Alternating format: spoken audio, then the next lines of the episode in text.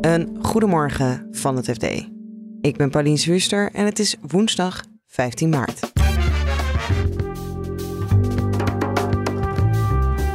De val van de Silicon Valley Bank roept al snel de vergelijking op met Lehman Brothers.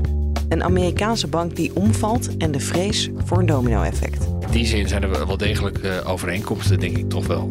De particuliere belegger kan nu ook in private equity stappen. Schuift de particulier nu niet aan bij het diner op het moment dat het eh, toetje wordt geserveerd. Want private equity heeft echt tien hele goede jaren achter de rug. En vandaag gaan we naar de stembus. Het enige wat een Eerste Kamer doet, is dingen of, of gewoon blind goedkeuren, of ze houden het tegen. Maar ze komen niet met iets nieuws. Dit is de dagkoers van het FD.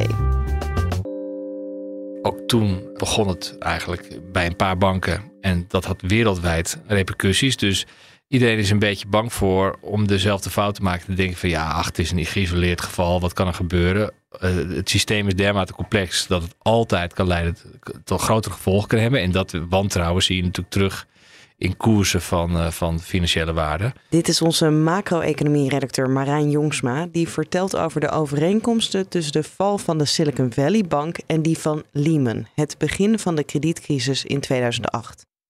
Je hoort zo van Marijn of we een herhaling moeten vrezen. Maar eerst zet hij nog even op een rijtje wat er nou misging bij de Silicon Valley Bank. Rekeninghouders die kregen het idee, wij weten niet of het wel goed zit met die bank. Nou, die rekeninghouders gaan geld opvragen. Die zeggen van nou, ik wil mijn saldo opnemen. Dat verspreidt zich natuurlijk altijd. Dan gaan meer mensen dat doen. Dus dan krijg je een soort bankrun in feite. Dus iedereen wil zijn geld terug. Nou, de Silicon Valley Bank had natuurlijk ook geld. Alleen dat geld hadden ze dus vooral zitten in hele rentegevoelige producten. Uh, dus staatsobligaties in dit geval uh, voor een groot deel. Uh, die waren minder waard geworden. Nou, dat maakt op zich niet zoveel uit. Je kunt gewoon tegen de oorspronkelijke aanschafwaarde kun je hem op de balans zetten, zolang je er niks mee doet. Maar ze moesten toen gaan verkopen. Um, en door die gestegen rente waren die obligaties veel minder waard geworden.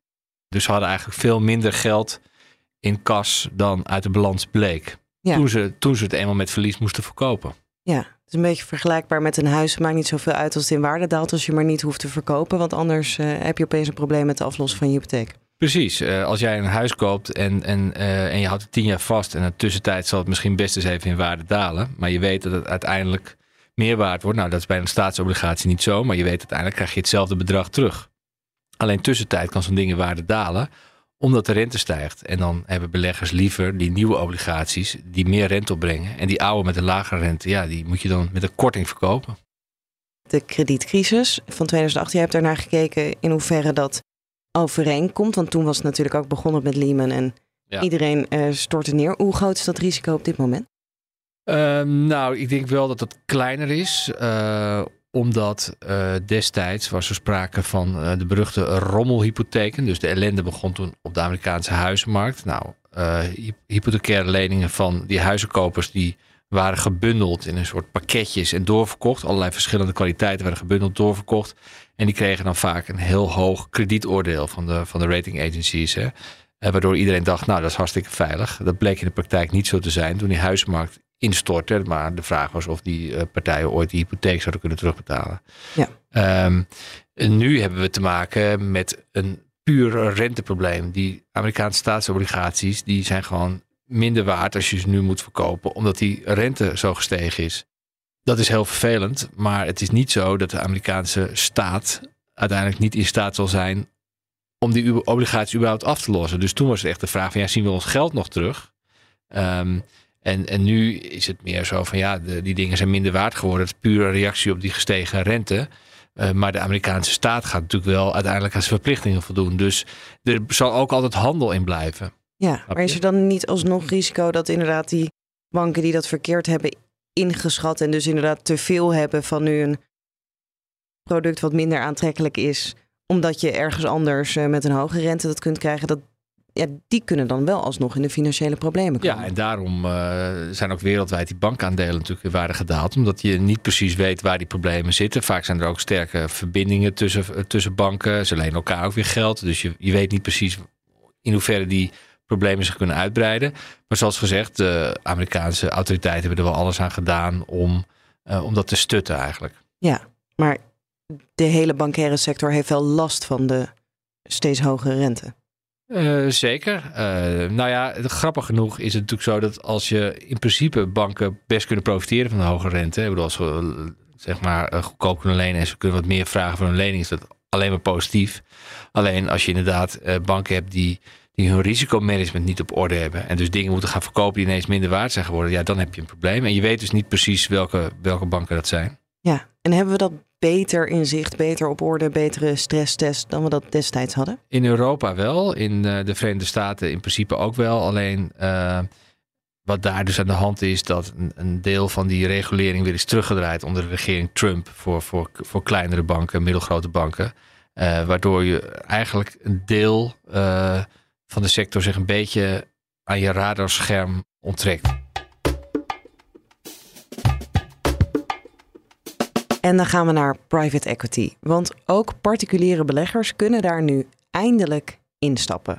Gijs den Brinker volgt voor het FD de sector. Private equity was eigenlijk uh, alleen weggelegd voor grote professionele beleggers die heel veel geld konden inleggen.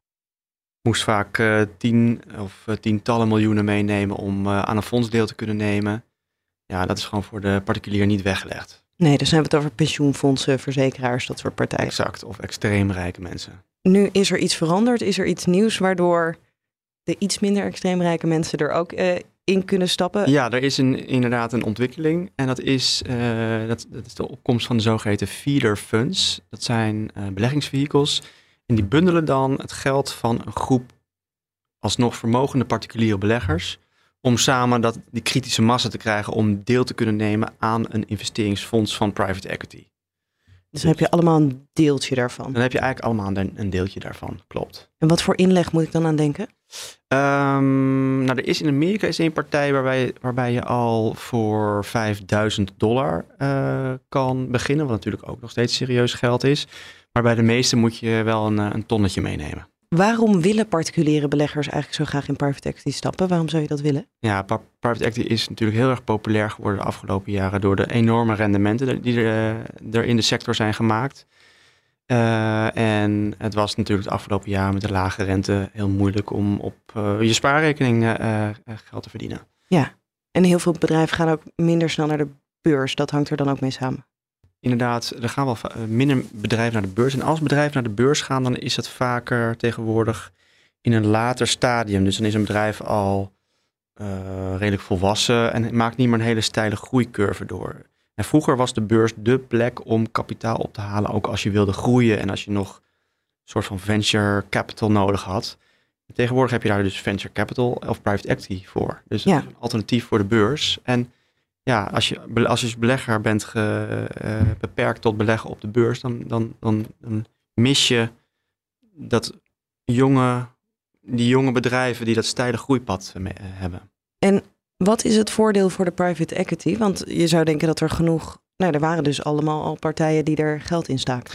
Ja, private equity is heel populair geworden de afgelopen zeg tien jaar. Er is enorm honderden miljarden wereldwijd naartoe gestroomd. Vooral van de professionele beleggers. Maar toevallig afgelopen jaar ja, zitten veel van die professionele beleggers zijn een beetje aan hun tax gekomen van hoeveel ze in private equity willen beleggen.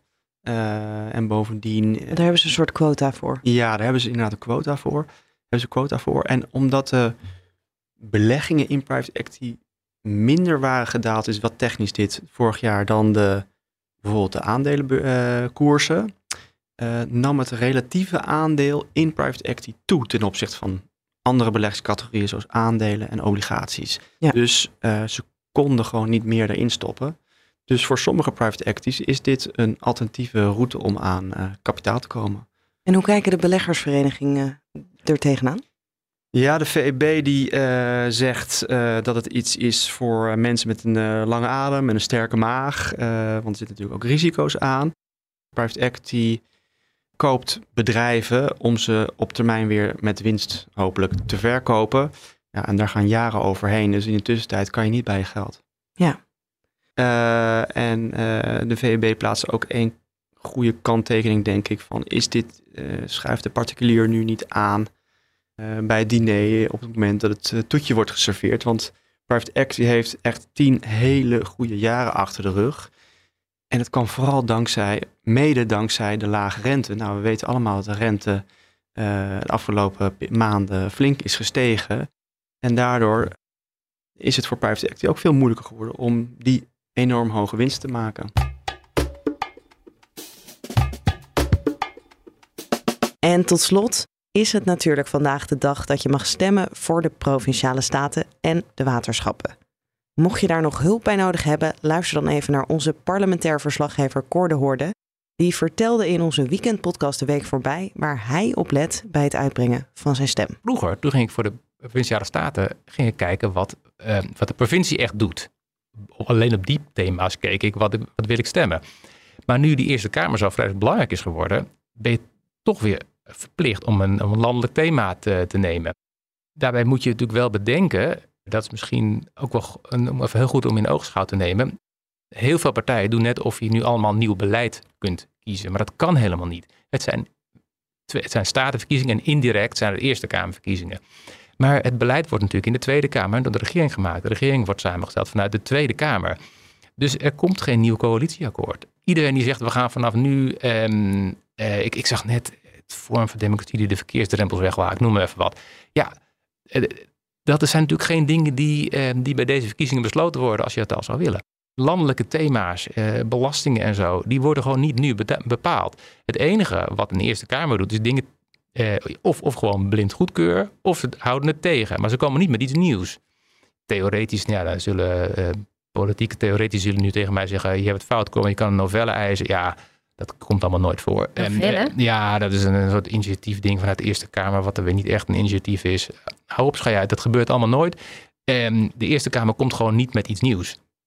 Dus, dus als je um, uh, iets nieuws wilt, dan moet je eigenlijk iets, tegen, iets heel anders tegenhouden. En met, met die koevoet, uh, met dat in gijzeling, kun je iets anders eisen. Ja, de, de mogelijkheden daartoe zijn natuurlijk uiterst beperkt. Dus uiteindelijk, um, uh, je kunt niet echt compleet nieuw beleid gaan verwachten. En dat, dat is ja, de partijen die dat wel beloven, die, uh, die, die draaien denk ik de kiezers rad voor ogen. Dat kan echt niet. Je kan wel dingen tegenhouden. Als je denk, bepaalde zaken niet wilt die nu aangekondigd zijn, dan kun je ze tegenhouden.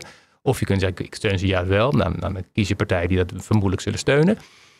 Maar een, tot iets totaal nieuws, dat, dan moet je echt een, wachten op de Tweede Kamerverkiezingen. Daar zijn deze verkiezingen niet voor.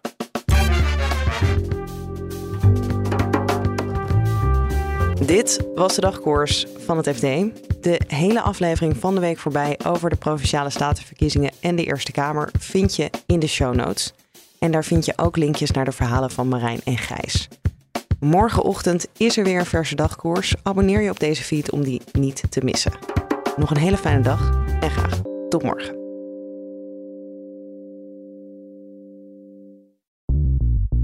Bij BNR ben je altijd als eerste op de hoogte van het laatste nieuws. Luister dagelijks live via internet. Jelle Maasbach. Wesley Weert. We zijn er voor je met het leukste, opvallendste, maar natuurlijk ook het belangrijkste nieuws. Tijdens de presentatie van die halfjaarcijfers toen die beurskoers in elkaar kukkelde. BNR Beurs. Voor de slimme belegger. Blijf scherp en mis niets.